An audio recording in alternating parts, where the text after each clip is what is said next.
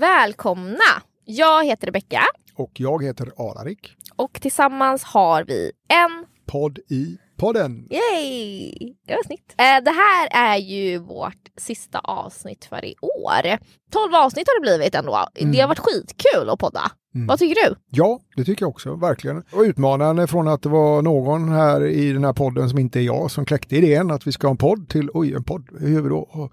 Till att få ihop det rent eh, både praktiskt och fysiskt och mentalt och allt det här. Det har varit en spännande och utvecklande resa och eh, även förstås roligt att få positiv feedback från eh, våra lyssnare. Mm, verkligen. Jag tycker också det. Och det har varit, eh, som du sa, utmanande.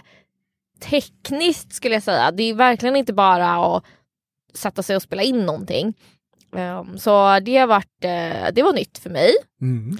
Eh, men kul. Och så vill vi också ta ett stort tack till Martin Alexandersson på Segertal AB som klipper det här och har coachat oss och eh, svarar när vi ringer i panik. Vår poddguru och livlina. Mm, verkligen. Det kommer ingen. Eller? Ja, Ja. jag hör.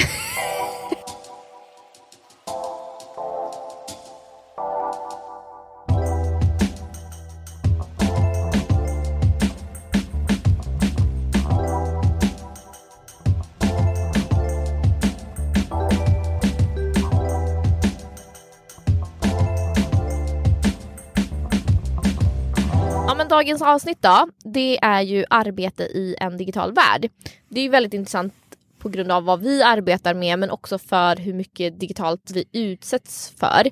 Jag tror alla kan tänka efter och känna att man kan relatera till att man har gjort en digital resa. Mm. Um, och det var lite så jag tänkte och då hamnar vi i det här avsnittet. Mm. Det finns ju en EU-kampanj som går som är uppdelad i tre år som handlar om just det här. Det är ju ett då, alltså digitalt arbetssätt och sen är det chefens roll i det digitala arbetslivet och sen är det teknikens påverkan på arbetsmiljön. Just det, och den har den övergripande rubriken Friska arbetsplatser i ett digitalt arbetsliv. Mm. Och vad, vad innebär det här då? Hur, genom- vad, vad handlar det om? Hur genomförs det? Det här är ju då Arbetsmiljöverket eh, som sitter med det och eh, de utbildar och tar samtal och undersöker eh, de här olika stegen. Och då vill man ju kontrollera hur eh, bolag arbetar på de här digitala sätten. Om det finns saker som de då kan rekommendera, till exempel hur man hanterar eh, ja, men, att man inte har för många olika kanaler och eh, liksom, att man inte är uppkopplad hela tiden och arbetsmiljön, alltså ja men Mm. allt. Mm. Eh, det, det är väl väldigt bra. Mm. Mm. Men innan vi kommer dit då, eller hit där vi är idag, så började jag fundera på vad man själv som sagt, vad man har blivit utsatt för. Men dels bara det här med podd, poddandet och man har telefonens egen telefon och allting. Men och då landade jag i det här med att jag har haft datakunskap i skolan. Eh, och det tror jag inte man har längre alltså. Det tror inte jag heller. Hur, hur, du är, nu ska, man ska inte fråga hur gammal hon är, men du är äldre än vad jag trodde. Ja. och då är det alltså eh, en, sal, en skolsal och där hade man alla datorerna och eh, det var låst så läraren gick upp och liksom eh, låste upp och så fick man gå in och sätta sig vid en dator. Och så gemensamt så tryckte man på knappen, alltså de här gamla vita stora. Och så ska man logga in och man gick in på Word och men man skulle typ lära sig hantera en dator alltså. Ja, men det är ju superspännande. På min tid, kom ihåg, eh, 8 9 hade vi maskinskrivning med eh, gamla hedliga mekaniska, 100% mekaniska. Det var inte en kodsnutt och inte en skärm inblandad och de var inte ens insatta i väggen utan det var 100% mekaniska skrivmaskiner där alla eh, bokstäver och siffror var övertäckta med små klisterlappar för man skulle träna på den optimala fingerinsättningen så skulle du sitta och läsa eh, på en eh, skylt och så skulle man trycka och jag kommer ihåg att det där med man blir trycka, det är inte som ett tangentbord som är ganska lätt att trycka på utan du behöver ju trycka ner framförallt med lillfingret för att den där fysiska pling ska trycka på pappret och då fick man trycka rätt hårt med lillfingret. Och så var det jättekul att trycka ner många samtidigt för då jammade alla de här armarna på skrivmaskinen och så blev läraren jättearg och kom och så satt man där och så hade man jammat ihop tio stycken som hade flätat in sig i varandra då. Ja. Jag fick du tänka efter vad fasen är en skrivmaskin? Ja, eller hur? Eller hur? Jag har inte sett en skriv, men det var hedliga skrivmaskiner. Och det här var när jag gick 8 och 9, så gammal är jag då. Ja. Så, Men det är det som var lite intressant när du sa det med lillfingret. För det kommer jag ihåg, vi hade ju, det blir typ samma sak. Att man skulle sitta och lära sig med tangenterna liksom. Och så skulle man kolla på en text och så skulle man skriva utan att man behövde kolla på fingrarna. Och hur man skulle trycka. Det, var, det här är väl ändå den essensen i mycket den svenska skolans liksom, perfektion, vilket är bra. För då ska, istället för att undvika pekfingervalsen, ding, Ja. ding, ding, ding, så ska du jobba med tio fingrar och du ska inte ens titta på Nej. tangentbordet. Du ska fl- flawlessly titta på en skylt och så ska bara fingrarna dansa över som en Ja. pia- pianistvirtuos. Ja. Och där kom, dit kom man ju inte förstås, men det var en bra ansats. Ja. Ja men precis. Det, det känns konstigt ändå att man, att man har haft datakunskap och där man är idag, hur van man är att jobba med en dator egentligen. Ja, då kommer jag till min nästa grej. här. På min första arbetsplats då använde jag Memo. Vad är det då? Ja, det var en föregångare till dagens e-post och det var 1979 anlitade Volvo Data en konsult och de hade en vision att det skulle vara en terminal på varje skrivbord. Och det blev jättepopulärt och det blev ett e-postsystem som blev Memo. Höjdpunkten var 92 när det användes av närmare 800 av världens största företag, hade flera miljoner användare. Men någonstans där dundrar internet in med full fart. Och eh, då dök ju Memo och faktiskt Ikea bytte ut det. Det var så sent som 2010 som ett av de sista större användarföretagen. Shit.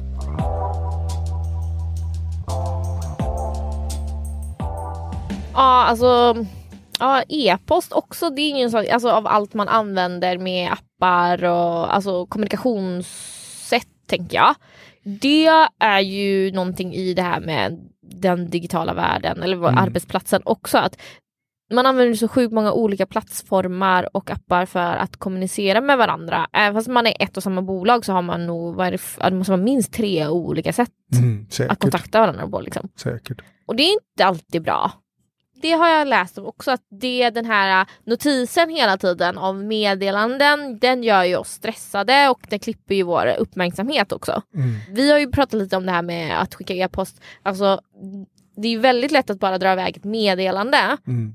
Men det är inte lika lätt om man vill säga samma sak att man hade gått upp 23.30 och ringt någon. Det gör Nej, man ju inte. Det gör man ju inte, men du kan pinga iväg. Det får väl arbetsgivarna, Frankrike har väl en lag där tror jag att du får inte, alltså det är, om du blir bötfälld eller vad påföljden är, det vet jag inte, men du ska i alla fall inte mejla efter ordinarie arbetstid som är väl 17.00 eller vad det är. Mm, arbetsgivaren. Arbetsgivaren, Mm. precis, arbetsgivaren ska inte mejla sina medarbetare och det tycker jag ändå som grundinsats är bra.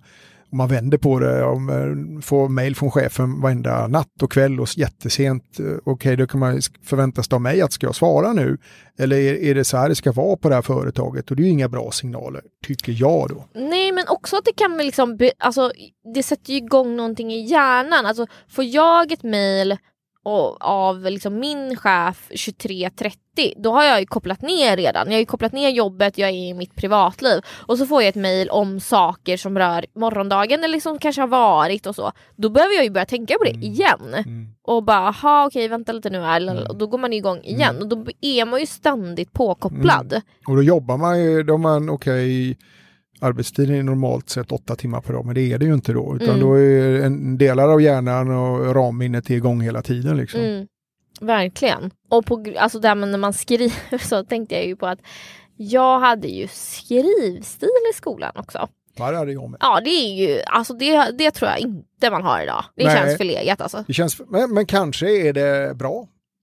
Ja, ja men det, och det är det då för att ja, vi hade ju verkligen skrivstil på det sättet att vi var, alltså det var ju tvingat, vi satt och lärde att skriva bokstäverna Mm. och vi skulle skriva flytande text och, och sen fanns det ju två olika sorters skrivstil och Just det, Ja, en men- gammal och en ny Ah. skrivstil. Men har vi blivit för digitaliserade, överdigitaliserade helt enkelt?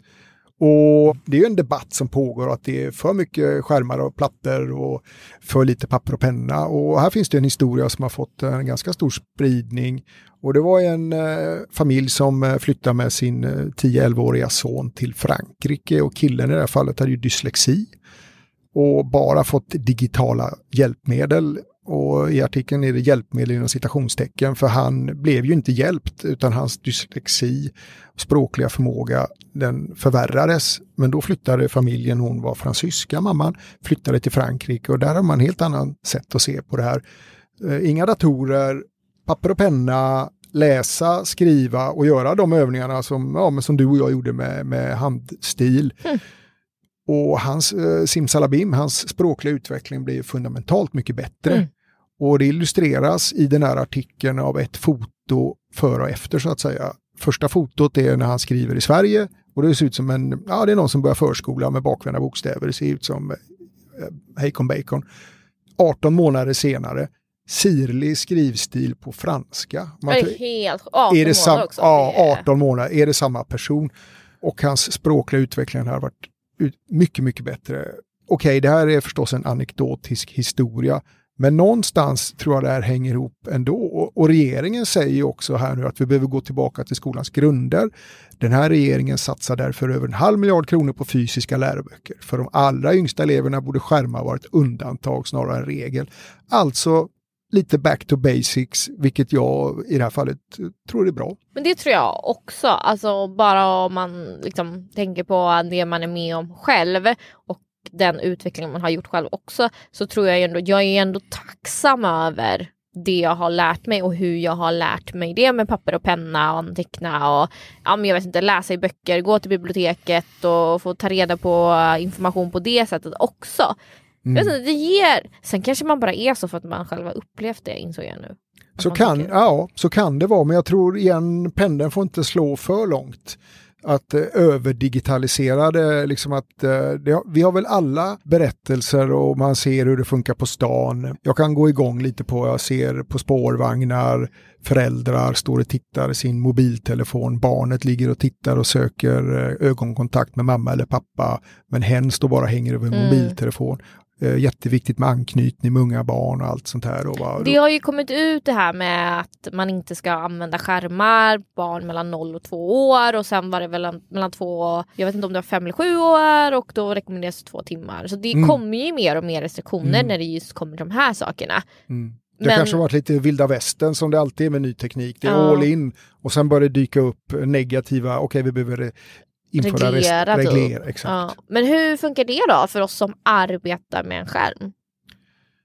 Ja, jag tror eh, det enskilda bolaget, om vi bara tittar på det här med mail, tycker jag var ett bra exempel som du sa, eller ett dåligt exempel. Man ska inte mejla som chef till medarbetare efter ordinarie arbetstid. Det tycker jag ger fel signaler. Mm. Om det inte är så att eh, att det kan alltid, inte vet jag, men eh, inte i ordinarie normalfall i alla fall. Nej. Absolut inte, för då, då blir det en kultur som, liksom, som är alltid Mm. uppkopplad, det är alltid okej Mm. och jag ska alltid vara high five. Så? Mm. och det, man måste koppla ner och koppla av, tycker Sen är ju de här fördelarna kring jobba hemma, att man inte behöver ha en fast plats. Och det har ju skapat mycket fördelar också. Sen att eh, många grejer har ju effektiviserats. Så det finns ju många, många, många positiva saker. Och det har ju skapat mycket företag också som gör att det blir mycket jobb. Ehm, så det finns ju den sidan också. Men det är lite som den här då EU-kampanjen är inne på. Alltså, man kollar ju mer på så här hur man använder det idag och hur man fastnar i det och det är inte bra. Ja men bara om jag sitter länge framför datorn, ja jag gör mitt jobb men jag kanske sitter dåligt. Mm. Eller liksom så. Nej men det är precis, och jag kanske sitter för mycket. Ja. Jag kanske behöver göra något annat än Mm. att bara sitta. Mm. Ta en break, ta ett Mm. varv runt, gå till skrivaren. För, Ja, vi, för vi är ju skärmbaserade, det går ju inte, vi kan ju inte sitta med en skiffertavla framför oss och hålla på liksom. Utan, Nej. men det gäller att hantera Men hur gjorde man förr då om man inte hade e-post? rörpost. Ja, det, för, ja det så är det ju. Det, det var det Ja men typ om och- jag då skulle skriva någonting till dig. Typ det här ska du komma ihåg. Ska jag skicka det till dig då eller? Alltså Ja. jätte... Ja, det är en bra fråga. Det, man kunde ju tillverka bilar på 50-talet utan, eh, ja.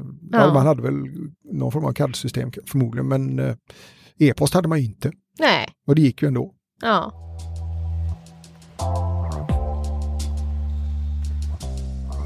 Men då tänker jag ju på typ, alltså tycker du att chefens roll har förändrats på grund av det digitala arbetet? Jag tänker det. Det finns ju sådana chefer liksom, som gärna vill ha alla medarbetare runt sig för att känna sig som chef. För att kunna räkna in alla huvuden, om man får uttrycka sig så.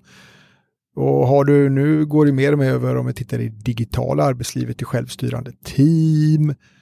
och allt det här. Och då måste man ju släppa, man måste ha trust, förtroende för sitt team som ska vara självstyrande och då, då får man ju ha en mer avslappnad chefssyn, tänker jag.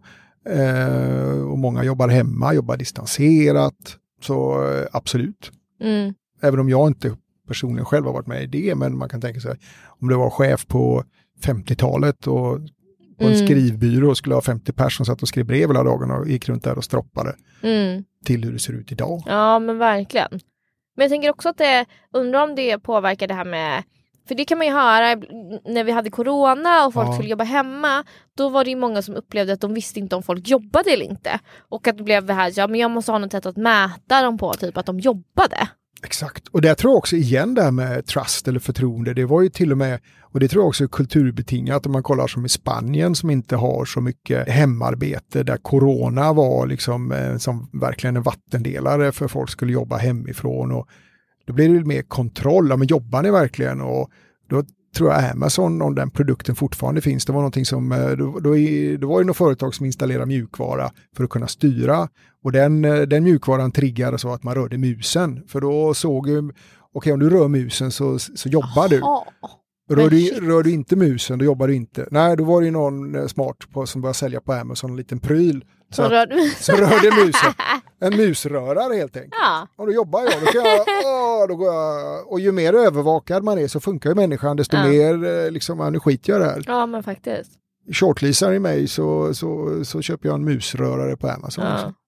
Ja, Så det är, ganska, det är ganska intressant. Alltså det är ju de där sakerna som kan bli baksidan kan jag tänka mig. Ja, men sen har det ju öppnat upp för att eh, jag tror att många kan jobba på arbetsplatser som man kanske inte hade kunnat tidigare.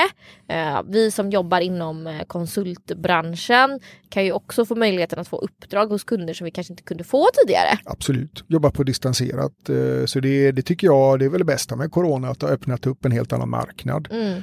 Eh, Och förstås för medarbetare som framförallt som kanske har småbarn som slipper pendla en eller flera timmar per dag. Mm. Det är eoner av tid för Mm. en stressad småbarnsförälder. Mm. Och det ser vi ju mycket också. Man hör mycket om att det här med hybridlösningar hos en arbetsgivare. Jag vill inte vara på plats hela tiden. Eh, Jag vill ha hybrid.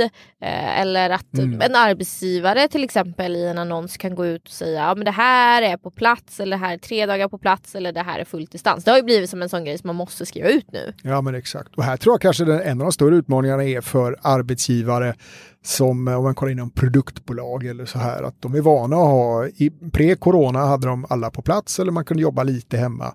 Corona ändrar allting, medarbetarna har större krav. Och så plötsligt kanske de ska orientera sig i ny verklighet här. Förut hade jag alla ombord, hur ska vi jobba med vår företagskultur? Ett konsultbolag har ju normalt sett inte alla ombord hemma ändå. Liksom. För Mm. oss var det inte så stor skillnad kan man ju Mm. tycka, men jag kan tänka mig att det var en större skillnad för produktbolag. Och det har vi hört också. Och vissa vill ju ha sina medarbetare 100% tillbaka. Nej, det, då slutar man liksom. Det, Mm. jag, jag vill inte vara det. Jag vill vara hemma två, tre dagar i veckan. Liksom. Mm. Men, alltså, det är ju det positiva med att då man vill jobba hemma vissa dagar. Men då är det ju också annat som påkallar uppmärksamhet. Alltså de har ju pratat mycket om det här med att man kanske har olika system eller eh, funktioner, alltså mm, kommunikationskanaler inom samma bolag. Mm. Eh, Och så fort man får upp en notis så drar ju det ens uppmärksamhet. Mm. Och då behöver man ju börja om igen för att fokusera på där man var. Mm. Eh, Och det kan ju bara vara att du behöver de här verktygen för att kommunicera med ditt team till exempel. Ja, det är ju intressant. En människa kan ju inte multitaska, även om då många säger det. Men forskningen visar att man kan göra en sak i taget. Eh, och sen har du en omställningstid och Mm. någonting annat händer. Liksom då, va? Och då var ju de andra, alltså att du jobbar i ett system och så kan du gå in i en Slack-kanal som alltid är öppen för där kan du ställa frågor och sådär. Så, ja, det är ett annat verktyg, men det är som du går in i ett annat rum och ställer en fråga. Det blir liksom en digital representation av en fysisk verklighet. Mm. Ja men det finns precis och det finns ju hur många olika sådana Ja, eh, appar som helst. Så jag tänker att eh, det är också någonting som jag har tänkt på att liksom som vi också kanske har diskuterat, så här, hur många kanaler ska vi ha, hur mycket olika funktioner ska det finnas och vad läser folk? Och det är ju också väldigt svårt att veta. Det är jättesvårt. Ända till någon, vem var det? Ja, det var någon jag läste om som bara skulle ha fax. Det var ju någon världsledare. Eller, det enda sättet man nådde henne, det var väl en hand då, det var via fax. Ja, okej. Ja. ja, men det är bra, då vet man. Ja, det bara, det gäller att jag tycker tydlighet är alltid bra. Ja, exakt.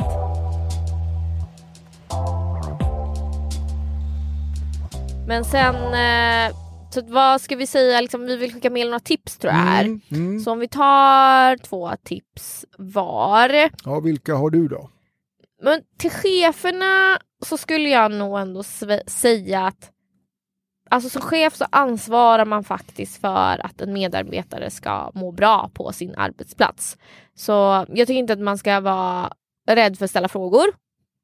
Eh, men man ska också känna till att du bär det ansvaret. Liksom. Mm. Det, jag tycker det är jätteviktigt. Och det är ju inte bara kopplat till digitalt, det är ju till allting. Mm. Liksom. Som den här EU-kampanjen ut efter förstås är en stor del av det Mm. hela då. Mm. Till eh, personer bara generellt så skulle jag säga träna. Alltså, man måste röra på sig. Vi sitter så mycket still och det är så många grejer som har liksom automatiserat som gör det lättare för oss, vilket är jättebra. Men vi behöver vardaglig rörelse så att vi orkar. Alltså, det handlar bara om, ja men Mm. är pennan på nedervåningen, ja men orka gå och hämta den. Är du törstig, ja gå upp då och drick. Alltså det är bara de här enkla grejerna. Jag tror att det hade Mm. varit super för alla. Ja, det, den är jätteintressant och det säger väl också att den här vardagsmotionen är superviktig. Det går inte att sitta hela veckorna så går jag på gym eh, två gånger.